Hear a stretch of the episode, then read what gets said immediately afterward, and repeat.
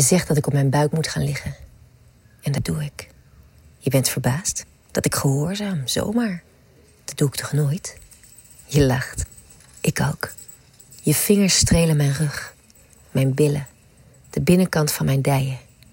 Iets meer uit elkaar, mompel je. En weer luister ik. Je glijdt met je vingers langs de binnenkant van mijn dijen. Omhoog, maar net niet hoog genoeg. Je doet het nog een keer. En nog een keer. Ik zucht. Je zegt iets onverstaanbaars. En ik zeg iets onverstaanbaars terug. Ik beweeg met je mee. Ik wacht op je vingers.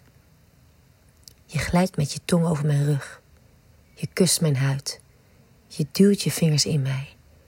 Je komt op me liggen. Ik voel je lippen in mijn nek. Je tong en je tanden. Nog iets meer uit elkaar, fluister je. Wat ben je? fluister ik terug. En je zegt dat dat door mij komt. Dat het onmogelijk is om niet langzaam, langzaam, langzaam.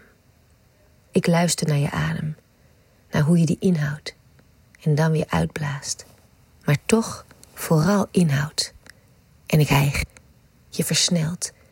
En het is alsof je nog harder wordt. Je glijdt opnieuw met je vingers tussen mijn benen. En dan tegelijkertijd. Je zegt dat je nog nooit zo lekker. Nee, onderbreek ik je. Ook niet met je vrouw?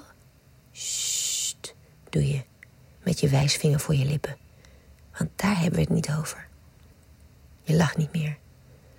Oké, zeg ik snel. Maar dan, ja, ja, ja, zeg jij. Dan zal ik het ook niet meer over jouw man hebben. Je streelt me. Je kust me. Ik kus je terug. Je had me niet moeten bellen, zeg je, als we afscheid nemen. En ik zeg net niet overtuigend genoeg dat ik het nooit meer zou doen. Kusje van Birgit.